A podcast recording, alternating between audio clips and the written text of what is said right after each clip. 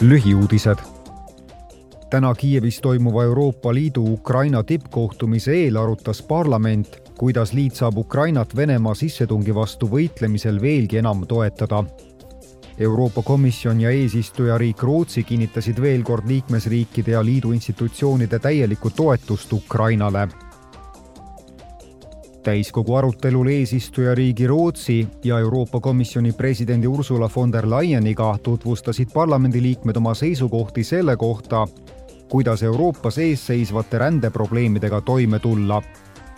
Ursula von der Leyen rõhutas, et ränne on Euroopa väljakutse, mis nõuab ühist tegutsemist järgmisel nädalal toimuval Euroopa Ülemkogu kohtumisel teen riigipeadele ja valitsusjuhtidele ettepaneku kahe eraldi töösuuna kohta.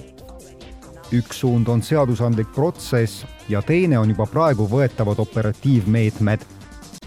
ühest küljest peame edendama uue rände- ja varjupaigaleppe õigusloomeprotsessi.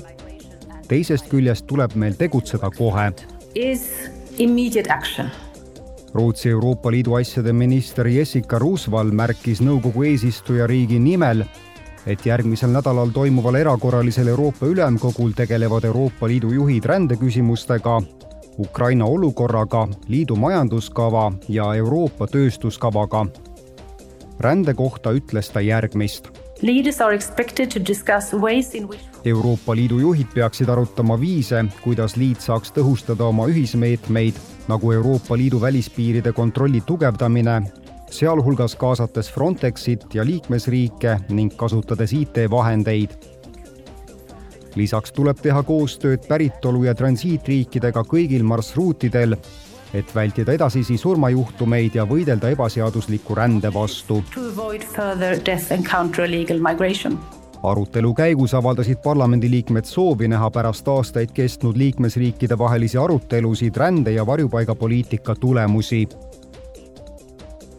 Eile lõppes taotluste vastuvõtmine kahe tuhande kahekümne kolmanda aasta Karl Suure noorteauhinnale auhind antakse noorteprojektidele, mis toetavad Euroopa demokraatiat ning edendavad koostööd ja mõistmist nii Euroopas kui ka rahvusvahelisel tasandil. igas Euroopa Liidu liikmesriigis hindab riiklik žürii kõiki esitatud projekte ja esitab ühe kandidaadi. kahekümne seitsme riikliku kandidaadi hulgast valib Euroopa žürii välja kolm auhinna laureaati